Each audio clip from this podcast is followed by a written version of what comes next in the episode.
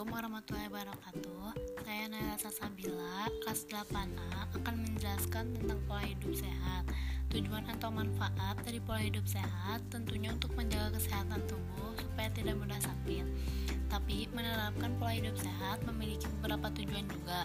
Misalnya, untuk mendapatkan kesehatan jasmani dan rohani dapat selalu terjaga dan supaya memiliki kesehatan mental yang stabil sehingga tidak mudah depresi atau stres. Langkah-langkah pola hidup sehat ada beberapa langkah yang harus diperhatikan dan dijalani untuk mencapai pola hidup sehat. Di antaranya adalah konsumsi makanan, olahraga, istirahat, kualitas udara, lingkungan yang sehat, optimis dan pribadi yang kuat. Mengkonsumsi makanan. Konsumsi makanan yang memenuhi standar kesehatan adalah harus bisa memenuhi kebutuhan tubuh. Untuk itu, kita harus mengetahui tentang makanan yang dibutuhkan oleh tubuh. Makanan sehat. Makanan yang dikategorikan sebagai makanan yang sehat adalah makanan yang mengandung unsur-unsur zat yang dibutuhkan tubuh dan tidak mengandung bibit penyakit atau racun. Namun, makanan yang dikategorikan sehat ini sangat berhubungan dengan sikap dan pola makan setiap orang. Jadi, makanan yang mengandung unsur-unsur bergizi harus disertai dengan upaya menjaga kebersihan dan kesehatan. Zat-zat yang dibutuhkan tubuh berfungsi sebagai zat tenaga, sebagai pembangun dan pengatur.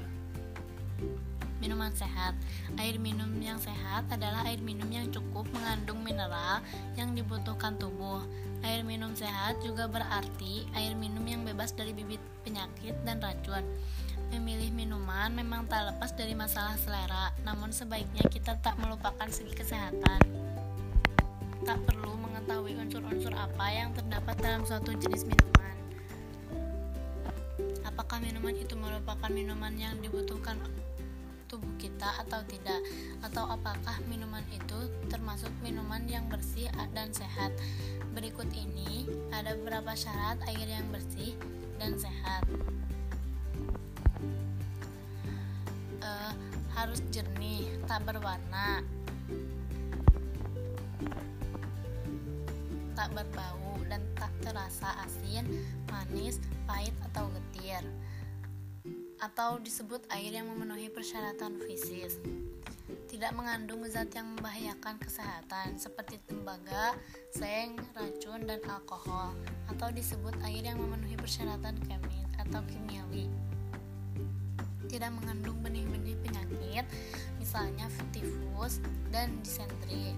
Cukup mengandung mineral yang dibutuhkan tubuh gizi seimbang kita sudah membahas bersama tentang minuman yang bersih dan sehat.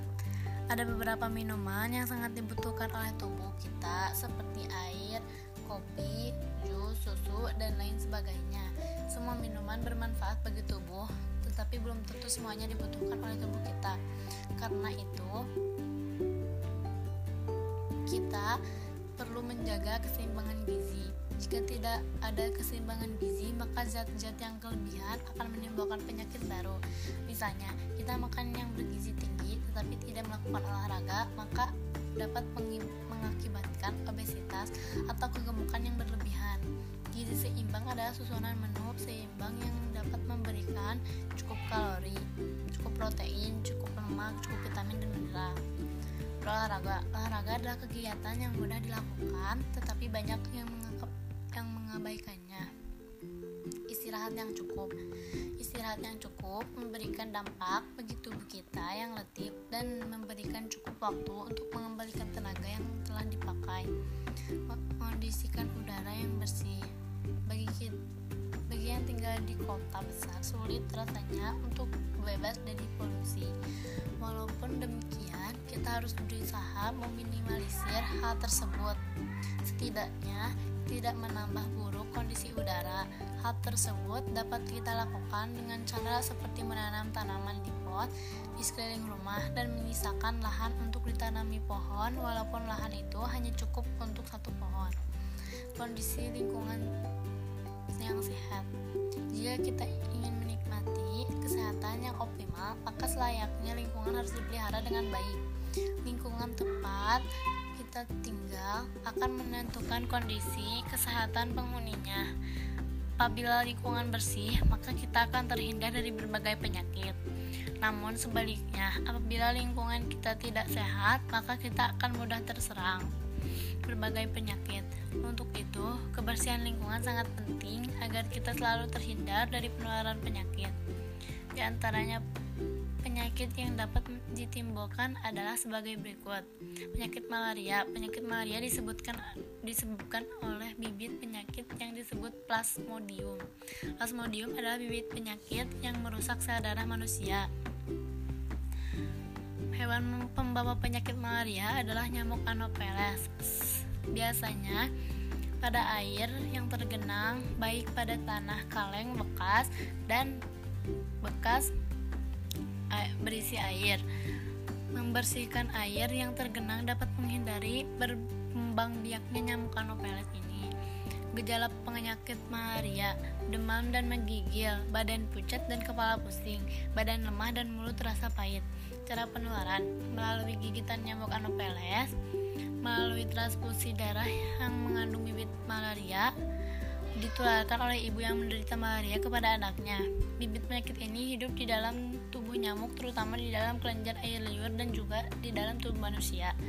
Cara pencegahan: membersihkan lingkungan, tidak menciptakan genangan air yang menjadi tempat berkembang biak nyamuk, menghindari gigitan nyamuk, pengasapan fogging untuk mematikan nyamuk.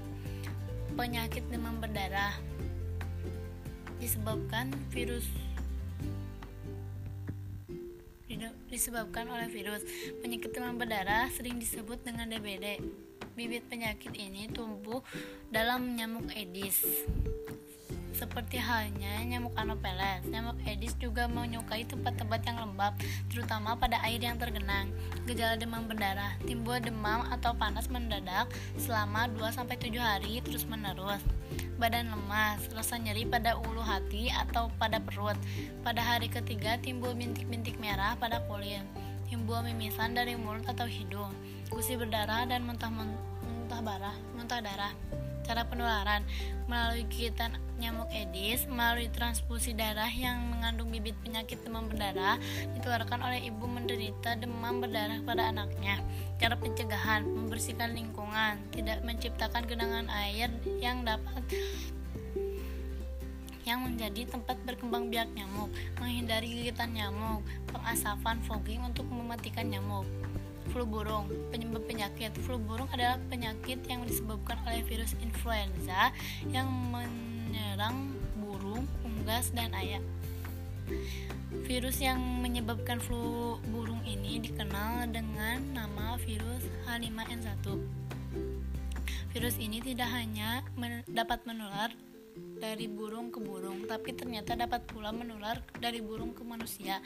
Gejala flu burung, panas lebih dari 30 derajat Celcius, batuk, sakit tenggorokan, keluhan pernapasan. Cara penularan, menghirup udara yang mengandung virus flu burung bersentuhan dengan unggas yang terjangkit penyakit flu burung. Cara pencegahan, hindari kontak dengan unggas jenis apa pun dengan bulunya, kotoran dan limbahnya. Tidak memelihara unggas di dekat pemukiman. Cucilah tangan menggunakan air dan sabun setiap sesudah bersentuhan dengan unggas. Peternakan harus jauh dari pemukiman untuk mengurangi risiko penularan. Penyakit diare, mencret, penyebab penyakit merupakan suatu penyakit yang ditandai dengan buang air besar yang sering Biasanya penderita mengalami buang air lebih dari 4 kali dalam sehari. Penyakit diare yang menyerang anak balita sering menimbulkan kematian. Gejala penyakit sering buang air besar, mengalami muntah terus-menerus, timbul rasa haus yang hebat, tidak dapat minum atau makan, demam tinggi, terdapat darah dalam tinja kotoran. Cara penularan Penyakit ini menular melalui makanan dan minuman yang terkena kuman diare. Penularan langsung juga dapat terjadi bila tangan yang mengandung kuman dipergunakan untuk menyuap makanan.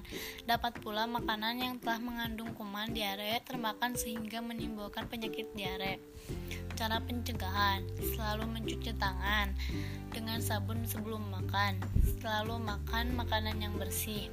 Bila terserang diare, segera minum oralit. Sekian dari saya. Wassalamualaikum warahmatullahi wabarakatuh.